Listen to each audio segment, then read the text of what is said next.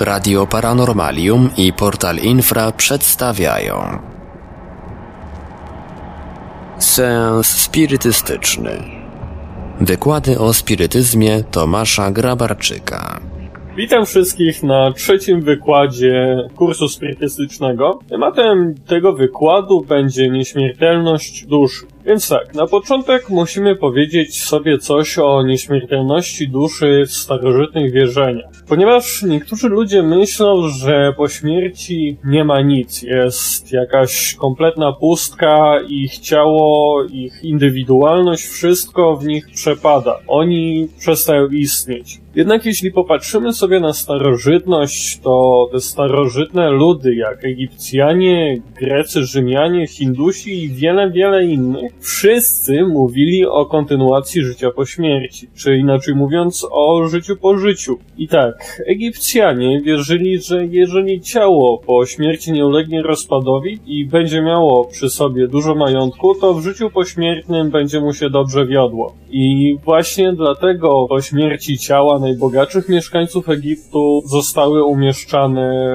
w grobowcach, w piramidach ciała faraonów były mumifikowane po to, żeby zapewnić ten dobrobyt po śmierci. W przypadku Greków zmarły trafiał do Hadesu, a temuż zmarłemu należało włożyć do ust tak zwanego obola, który to był złotym pieniążkiem, po to, żeby mógł zapłacić Charonowi za przewóz przez rzekę Styx. Personifikację śmierci w mitologii greckiej stanowił Bóg Tantos, który to poniekąd był bratem boga snu Hypnosa. Najgorsi przestępcy według Greków trafiali do Tartaru, natomiast dobrzy ludzie, którzy tacy byli za życia, trafiali na pole elizejskie. W przypadku Rzymian też oni wierzyli w dalsze życie po śmierci i możliwość tego kontaktu żywych ze zmarłymi i część z nich wierzyła, że śmierć jest podróżą do gwiazd, po to tylko, żeby stać się jedną z nich. W przypadku Majów i Azteków często były składane ofiary Zwykle to były ofiary składane z jeńców, jednak co ciekawe, dla niektórych być może dziwne, nie brakowało ofiar takich ochotników, ponieważ złożenie się w ofierze było według nich zaszczytem. Owe ofiary miały być konieczne do zadowolenia bogów. W przypadku Hindusów śmierć nie była, nie jest kresem życia. Przyjęta jest tutaj wiara w reinkarnację, czyli ponowne wcielanie się tak zwanego Atmana, czyli inaczej mówiąc po prostu duszy. Nie musi być to jednak wcielenie w człowieka, a na przykład wcielenie w jakieś zwierzę czy jakiegoś boga. Z kolei buddyzm odziedziczył tą koncepcję reinkarnacji po hinduizmie, jednak równocześnie nie wierzy w trwałą duszę. Jest to tak zwana doktryna anatman, czyli nie Atman. Po śmierci ma następować rozpad człowieka na pięć składników, tak zwane skanda, skupiska, i są to forma materialna, uczucia, rozum, wola i świadomość. Jedynie karma, czyli czyny danego człowieka, albo dobre, albo złe, tylko i wyłącznie to przechodzi do następnego wcielenia. Tutaj można to porównać do takiej gry w bilar biała bila, która trafia sobie w bilę żółtą. Automatycznie wiadomo, prawa fizyki mówią o tym, że żółta bila zostanie popchnięta poprzez energię przekazaną od bili białej. I właśnie ta żółta bila jest trochę inna od tej białej bili. Jednak jest popychana do przodu. Jest popychana właśnie tą energią z białej bili, więc Kolejne wcielenie będzie popychane naprzód poprzez wcielenie poprzednie, czyli po prostu przez czyny. W jednym wcieleniu mamy wpływ na kolejne wcielenie. I według buddyzmu ponowne narodziny mogą nastąpić w jednej z sześciu krain tych ponownych narodzin,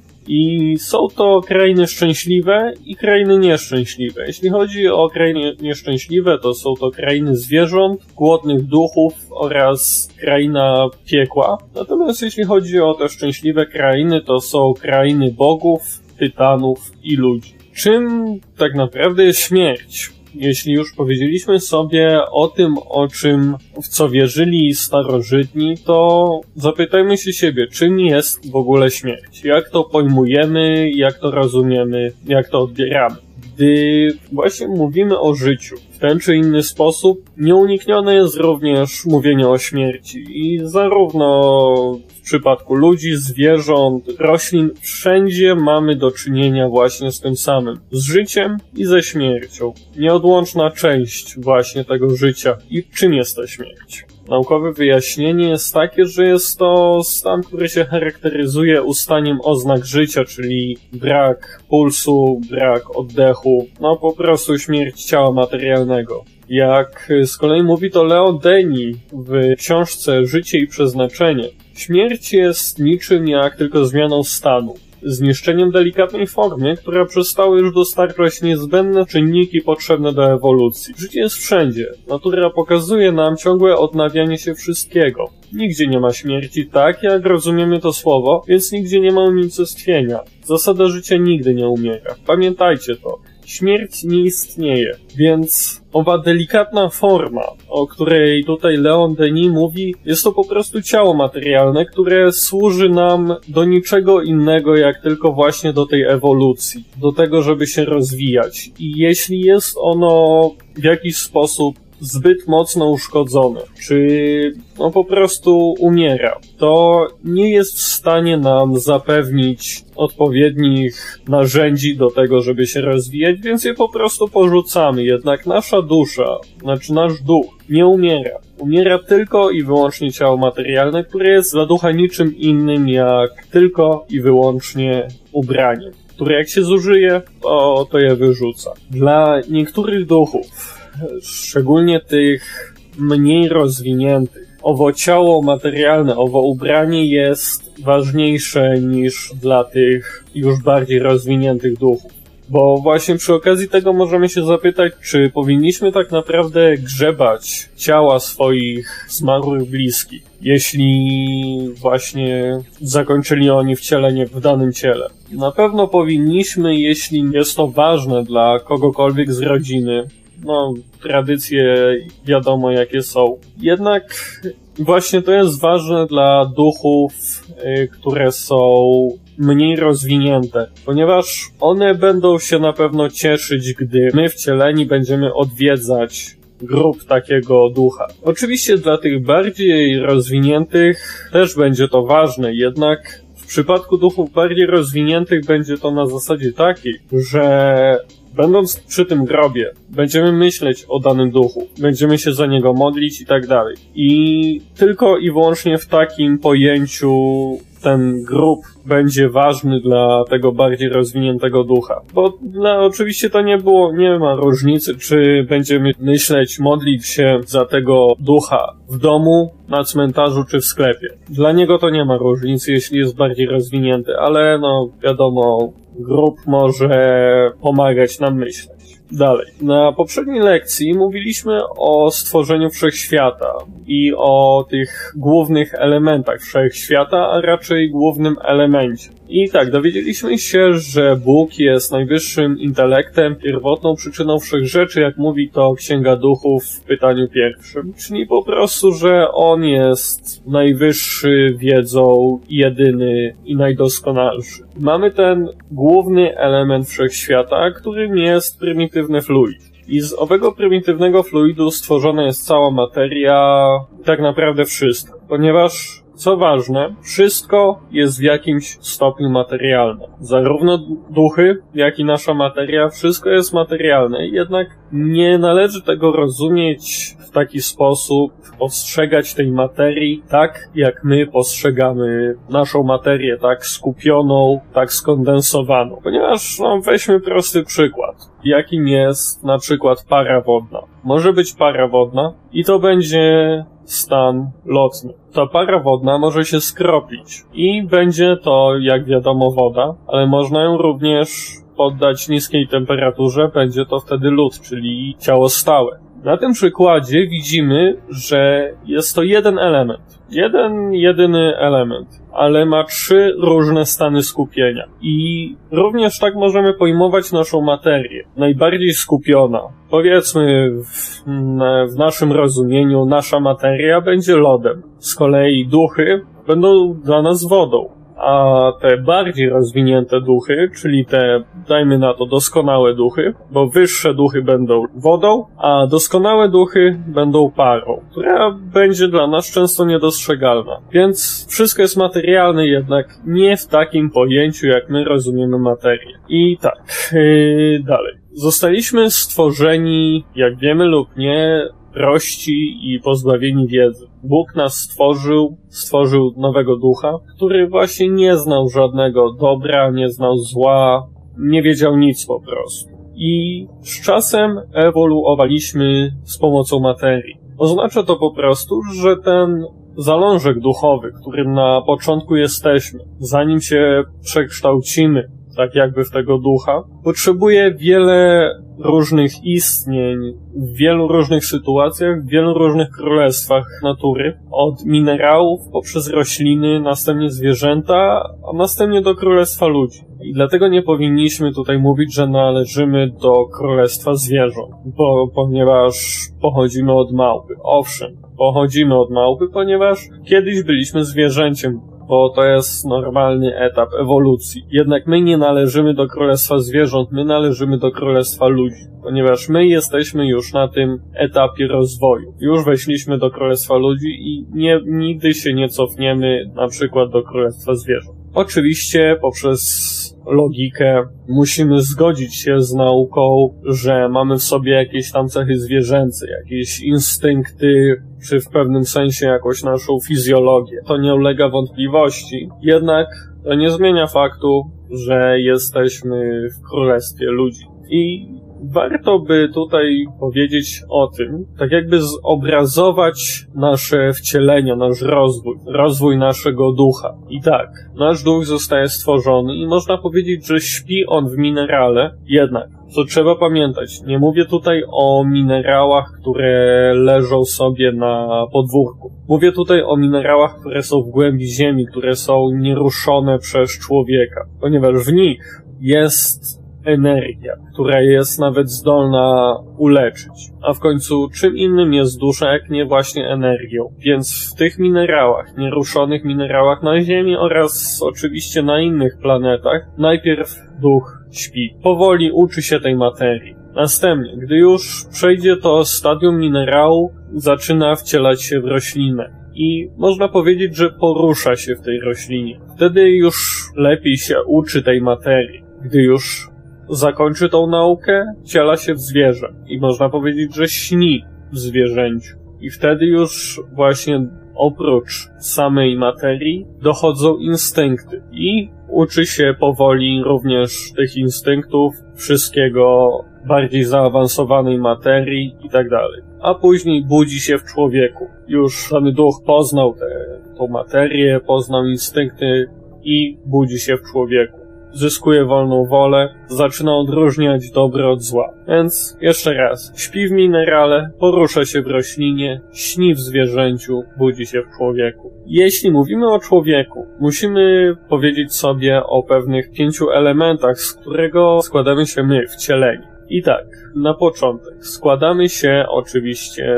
z duszy, bądź dusza y, oczywiście jest to po prostu wcielony duch dusza i duch to jest jedno i to samo, tylko że duch mówi o tym, że jest to odcieleśniona istota, jakby to można powiedzieć, a dusza to jest po prostu wcielony duch. Więc mamy tą duszę. Mamy ciało duchowe, które to otacza tą duszę. Dzięki właśnie ciału duchowemu, na przykład gdy my umrzemy i przyjdą do nas y, nasi bliscy, to będziemy w stanie ich poznać, ponieważ oni używając właśnie tego ciała duchowego, przekształcą je tak, żeby wyglądali tak, jak wyglądali za naszego ziemskiego życia. Tego odpowiedniego wcielenia. Również jak y, czasem nasi bliscy przychodzą do nas w czasie snu. Również mogą właśnie odpowiednio zmodyfikować to swoje ciało duchowe, żebyśmy mogli ich po prostu poznać. Więc mamy duszę, mamy ciało duchowe. Zresztą z tych dwóch elementów składają się duchy. Jest duch i jest ciało duchowe, ci odcieleśnieni. Dalej, jeśli chodzi o wcielonych. Dusza, ciało duchowe, dalej mamy ciało materialne, które to właśnie z tym delikatnym ubraniem, które to jak się zniszczy, to je porzucamy. Owe ciało materialne jest ożywiane, jako że samo z siebie jest niczym innym jak bezwładną materią, jest ożywiane za pomocą tak zwanego zalążka życia, który to tak naprawdę znajduje się w każdej ożywionej materii, więc zarówno w roślinach, jak i w ciałach zwierząt, jak i w naszych ciałach. Oraz ostatnim elementem jest tak zwany fluidyczny łącznik, który to łączy ciało materialne z ciałem duchowym i duszą. Dzięki właśnie temu fluidycznemu łącznikowi nasza dusza może oddziaływać na ciało materialne, wydawać mu jakieś polecenia, po prostu no, używać tego, tej materii do tego, by się rozwijać. Oczywiście, mówię tutaj ciągle o tym, że ciało materialne jest niczym innym jak ubraniem. Nie mówię tutaj, że nie powinniśmy szanować naszego ciała. Należy zrozumieć, że za każdym razem, kiedy my robimy coś swojemu ciału, to za pomocą tego samego fluidycznego łącznika będzie się odbijać na naszym ciele duchowym. Więc jeśli nie będziemy, na przykład będziemy palić, będziemy zatruwać swoje ciało, będziemy niszczyć swoje płuca, to zostanie tak jakby zapamiętane w naszym ciele duchowym oraz w następnym wcieleniu owo ciało duchowe przekaże informacje następnemu ciału materialnemu i będziemy mieli jakieś kłopoty z płucami czy inne tego typu rzeczy. Więc to jest ważne. To jest ubranie, ale tak samo jak o ubranie musimy dbać, żeby nam długo służyło, tak samo musimy dbać o ciało. Więc jak już powiedzieliśmy sobie, z czego składa się ten ci wcieleni i ci odcieleśnieni, to jaka jest tak naprawdę różnica pomiędzy tymi dwoma? Pomiędzy wcielonymi duchami a odcieleśnionymi duchami? Otóż różnica jest tylko i wyłącznie jedna. Fizyczne ciało. Tylko to odróżnia duchy odcieleśnione od duchów wcielonych. Niektórzy wcieleni mają zdolność do, można by powiedzieć, takiego szerszego postrzegania tych obydwu światów, zarówno no, oczywiście świata wcielonych, jak i są w stanie widzieć ten świat duchowy. I takie osoby nazywamy mediami. Zwykle, jeśli chodzi o widzenie tych duchów, to są to media widzące. Jednak co trzeba pamiętać, każdy z nas jest medium, ponieważ każdy z nas w jakiś tam sposób odbiera coś od tych duchów, jakieś myśli, oddziaływania i tego typu rzeczy. Właśnie poprzez te media wcieleni i odcieleśnieni mogą się ze sobą komunikować, nawet czasem współpracować pisząc na przykład książki, pomagając komuś wspólnie, czy, czy cokolwiek innego. Jak już powiedzieliśmy sobie o tym, to musimy się zapytać, kto tak naprawdę obawia się śmierci? Kto obawia się tego odłączenia się ducha od ciała materialnego? I tak naprawdę, czy powinniśmy się obawiać tej śmierci? Otóż nie.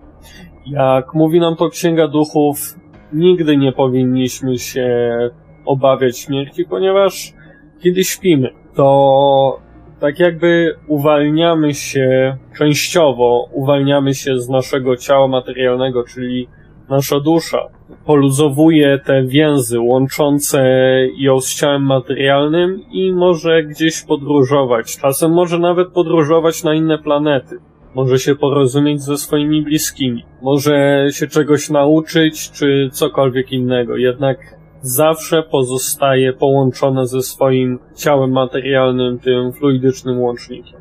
Więc tak naprawdę, gdy śpimy, to znajdujemy się w bardzo zbliżonym stanie do śmierci. Ponieważ co się stanie w momencie śmierci? Nic innego jak to, że nasz fluidyczny łącznik się zerwie, a duch pójdzie dalej. W jednym i w drugim przypadku odłączamy się, poluzowujemy te więzy. Więc nie bójmy się śmierci. Jak mówił to święty Paweł, codziennie trochę umieramy. To nie w sensie, że umiera w jakiś sposób nasze ciało, ale tak jakby uczymy się, jak pokonać tą ścieżkę ze świata materialnego do świata duchowego, jak przejść z jednego świata na drugi, ponieważ każdej nocy to robimy. Więc nie jest to, nie jest to jakaś trudna rzecz. Tak naprawdę niektórzy mówią w momencie, gdy umiera jakaś bliska im osoba, moi ukochani mnie zostawili. I to jest błąd, ponieważ nasi ukochani nigdy nas nie zostawiają. Kiedy umarli, to umarło nic innego jak ich fizyczne ciało, nic no, niewiele znaczące które po prostu już nie mogło przyczynić się do ich rozwoju tutaj na tej planecie, nie mogło im wystarczyć do tego, żeby robić to, co powinni. Tak samo jak my nie pójdziemy w podartym garniturze na spotkanie biznesowe, tak tutaj duch nie może wykorzystać tego ciała, które już było w ten czy inny sposób zniszczone. Więc Nasi ukochani nigdy nas nie zostawiają. Jeśli ich ciało materialne umrze, oni będą ciągle przy nas. Będą z nami swoimi myślami. Należy jeszcze powiedzieć o pewnych przypadkach związanych z właśnie z tą śmiercią ciała organicznego i tym przejściem z materii do świata duchów. Otóż jest kilka możliwości, które mogą się przydarzyć podczas takiego przejścia i to wszystko zależy tylko i wyłącznie od nas, od tego, co robiliśmy w danym wcieleniu. I tak, jeśli byliśmy materialistami, egoistami, nie szanowaliśmy innych, tak naprawdę nic nie myśleliśmy o świecie duchowym i najważniejsze dla nas były jakieś tam materialne zmysłowe przyjemności. To wtedy bardzo prawdopodobne jest, że nasze odłączenie się, odłączenie się naszego ducha od ciała materialnego będzie dla niego trudne, czasem nawet bolesne, ponieważ więzy łączące ducha z ciałem materialnym będą bardzo mocno zawiązane, ponieważ one się zacieśniają wtedy, kiedy żyjemy, można by powiedzieć, dla materii, dla tego co materialne, a poluźniają wtedy, gdy kierujemy się w tą stronę duchową. Również będą się zacieśniać wtedy, kiedy jesteśmy bardzo mocno przywiązani do na przykład jakiegoś członka rodziny. Jednak ważne jest tutaj to, że nie należy mylić przywiązania z miłością. Weźmy sobie tutaj taki przykład, żeby to wyjaśnić. Przywiązanie na takiej zasadzie, że mamy syna i mamy matkę. I dajmy na to, ten syn był tak wychowywany, że jest on przywiązany do matki tak, że nie jest w stanie bez niej nic zrobić. Oczywiście może, ponieważ jest w pełni sprawny, nic, nic mu nie dolega, więc mógłby, mógłby robić wszystko samemu, ale tego nie robi, bo ciągle wyręczała go matka i ciągle to robi. To jest właśnie to przywiązanie, o którym mówię, że nie jesteśmy w stanie żyć bez tej drugiej osoby. Powinniśmy oczywiście kochać drugą osobę, powinniśmy kochać naszych rodziców, powinniśmy tak naprawdę kochać każdego człowieka, ale nie być do nich przywiązanymi. Ponieważ to, że ktoś jest dla nas tym wcieleniu matką, ojcem, bratem czy kimkolwiek innym, nie znaczy, że w następnym wcieleniu się role nie odwrócą. Nie wiemy tego, więc rodzina jest tylko i wyłącznie tymczasowa, jednak miłość ona pozostaje. Czasem właśnie jest tak, że przyjaciele mogą być dla nas bliżsi niż rodzina. I to jest tylko i wyłącznie dlatego, że my z nimi mogliśmy więcej przeżyć w przeszłych wcieleniach. Więc przeszłych wcieleniach może nasz przyjaciel był dla nas naszym bratem czy siostrą i teraz właśnie czujemy z nim takie bliższą więź niż z naszym własnym rodzonym bratem. Więc nie przywiązujmy się do nikogo, ale kochajmy tą drugą osobę. I tak, powracając do, do tego, o czym mówiłem. Te więzy będą się zacieśniały, więc to przejście będzie dla danego ducha bardziej bolesne, znaczy bardziej kłopotliwe, być może bolesne, ponieważ nie będzie on się mógł odłączyć od tego ciała materialnego. Również jeśli będzie przywiązany do jakiejś osoby, nie będzie mógł jednocześnie się odłączyć, ponieważ ciągle będzie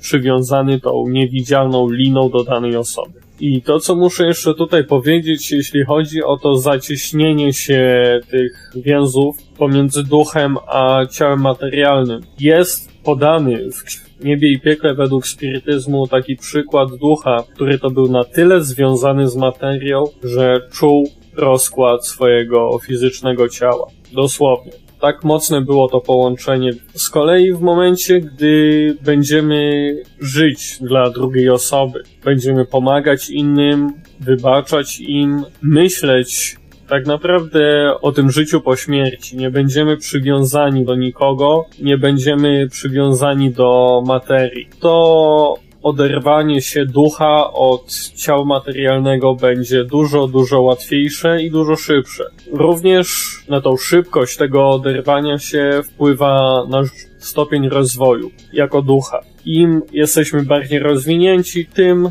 te więzy szybciej się rozerwą. Jest jeszcze jeden aspekt, o którym tutaj należy wspomnieć. Jeśli czyjeś życie kończy się w jakiś sposób brutalny i nagły, to nigdy to nie jest dobre dla, dla ducha, ponieważ tutaj musimy sobie wziąć dwa przykłady. Właśnie jakąś śmierć gwałtowną i śmierć, dajmy na to, po długiej chorobie. I tak, w przypadku tej długiej choroby, duch danej osoby mógł się przygotować na to przejście. Miał dużo, dużo czasu. Zresztą czasem jest tak, że niektórzy chorzy mogą tak naprawdę widzieć już wcześniej zmarłych bliskich. I ci bliscy właśnie tej umierającej osoby wszystko, jeśli nie będą oczywiście wierzyć w życie po śmierci, będą to zrzucać na jakieś tam fiksację w mózgu i tak dalej, ale osoba, która będzie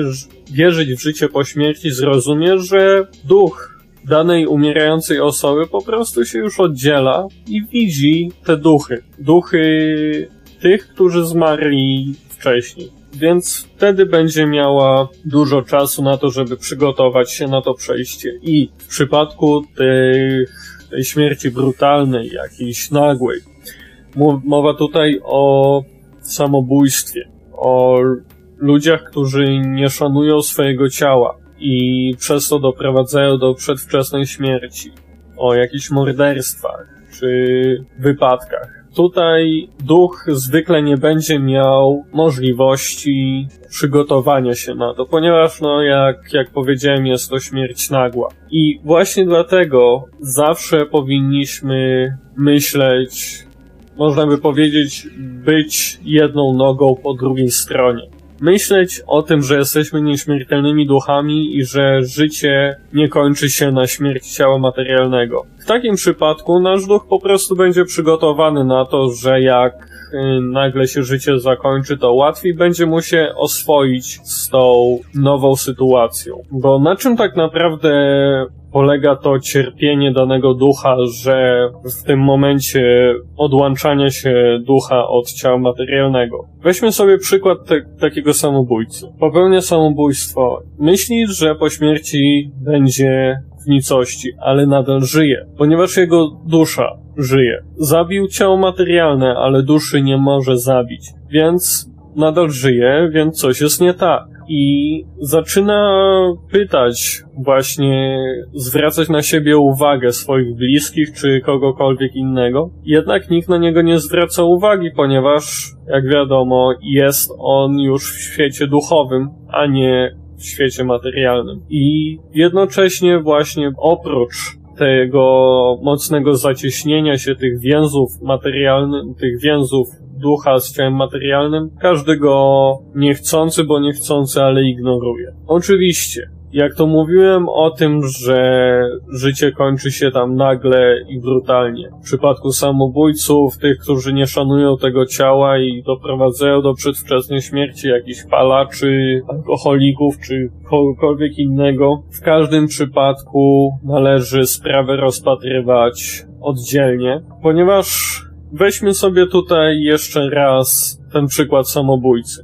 W niebie i piekle według spirytyzmu przypadek dwóch samobójców. Jeden samobójca popełnił samobójstwo, ponieważ znudziło mu się życie. Ponieważ już nie widział sensu w życiu, dobrze mu się wiodło, ale no już mu się po prostu nie chciało żyć. A drugi był kochającym ojcem, który to popełnił samobójstwo, by jego jedyny syn, który był żywicielem rodziny, nie musiał iść do wojska i jednocześnie, żeby mógł utrzymywać swoją matkę. Ponieważ ojciec nie był w stanie pracować, więc ten syn utrzymywał swojego ojca i swoją matkę. I ojciec popełnił to samobójstwo po to, żeby jego żona nie umarła z głodu. I na tym przykładzie widzimy, że jakby nie patrzeć, samobójstwo samobójstwu nierówne, więc każdy przypadek należy oddzielnie analizować, rozpatrywać. Najważniejsze są intencje.